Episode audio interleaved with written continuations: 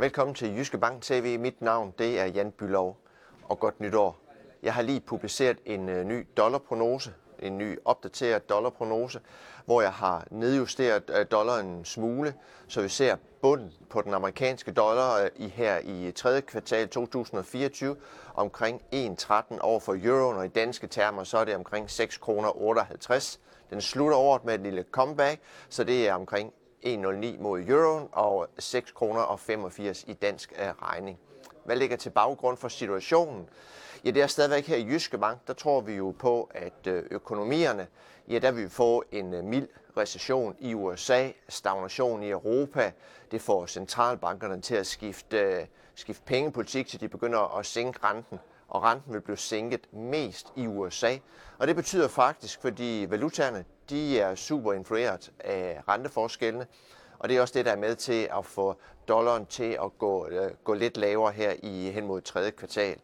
Det er også vigtigt, at øh, økonomierne de ikke bliver, skal vi sige, udvikler sig værre i det her med mild recession, stagnation, altså vækstafmatning.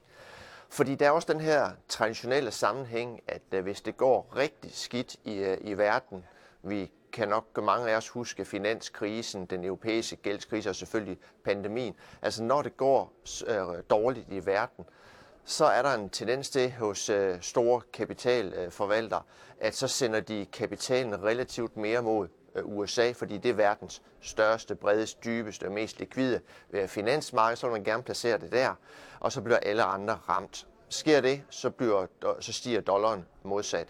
Så det er et nøglepunkt her i år, at øh, væksten, det bliver sådan noget stagnation, mild recession, og ikke noget, der er værre.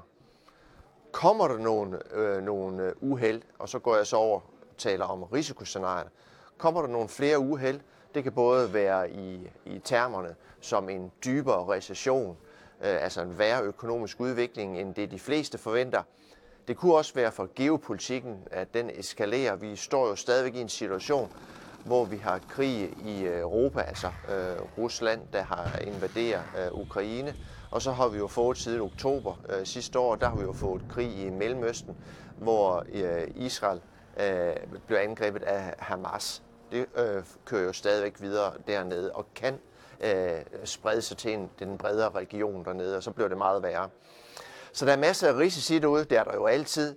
Øh, skulle det gå hen og blive til virkeligheden, det er jo ikke det, vi tror, men bliver det sådan, ja, så vil kapitalen igen, der er ingen risikopræmie, der er priset ind på finansmarkedet. Det betyder også, at øh, udvikler scenarien sig øh, meget værre end det vi forventer, ja, så vil kapitalen strømme til USA, man køber relativt flere amerikanske aktiver, og så bliver dollaren selvfølgelig løftet i, øh, i samme ombæring, og så ser vi en meget stærkere dollar. Det er jo risikoscenariet, det er ikke det, vi forventer. Til slut her, lidt svagere dollar i, øh, igennem øh, 2024, men ikke sådan det helt store, og så sidst på året et øh, comeback til dollaren igen. Det var alt, hvad jeg havde taget med. Ha' en god dag.